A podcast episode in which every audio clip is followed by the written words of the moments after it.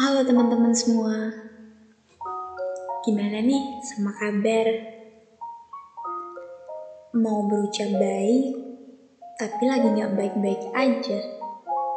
Perasaan lagi kalut, susah untuk fokus.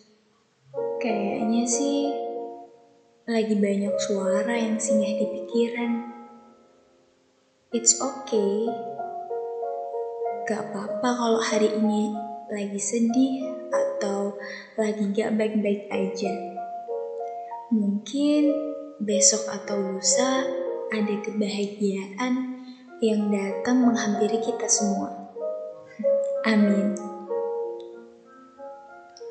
Hmm, gak kerasa ya, udah awal tahun aja. Padahal kayaknya kemarin baru tahun 2020.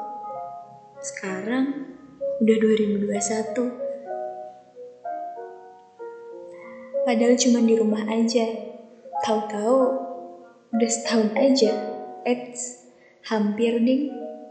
Hampir setahun cuma ngabisin waktu di rumah aja. Masa pandemi ini memang bukan masa yang mudah, teman-teman. Kita semua sama-sama merasakan. Mungkin kalau kita flashback lagi di tahun 2020 yang sudah terjadi gitu ya. Kita sama-sama tahu bahwa di tahun 2020 kita banyak merasakan kesedihan, kehilangan, ketakutan, kecemasan, dan mungkin untuk sebagian orang mereka hanya sedikit merasakan kebahagiaan. It's okay, teman-teman. It's okay to be not okay.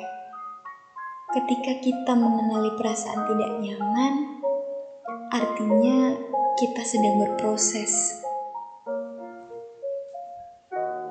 Ketika kita melakukan rekonsiliasi atau reconnect sama diri kita, biasanya sih ada efeknya.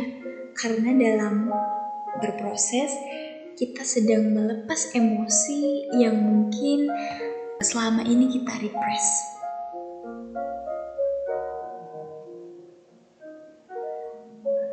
Hmm, menurut aku udah bagus sih ketika kita sudah bisa mengenali perasaan-perasaan yang muncul dalam diri kita.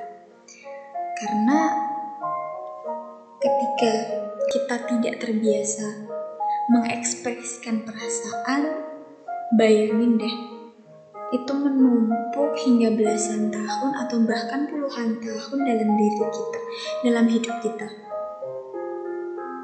Contohnya gini, mungkin dari kecil ketika kamu jatuh, terus kamu nangis, kamu dibilang, dibilangin gitu, gak apa-apa, gak usah nangis, jangan nangis, kamu kan udah gede, masa masih nangis?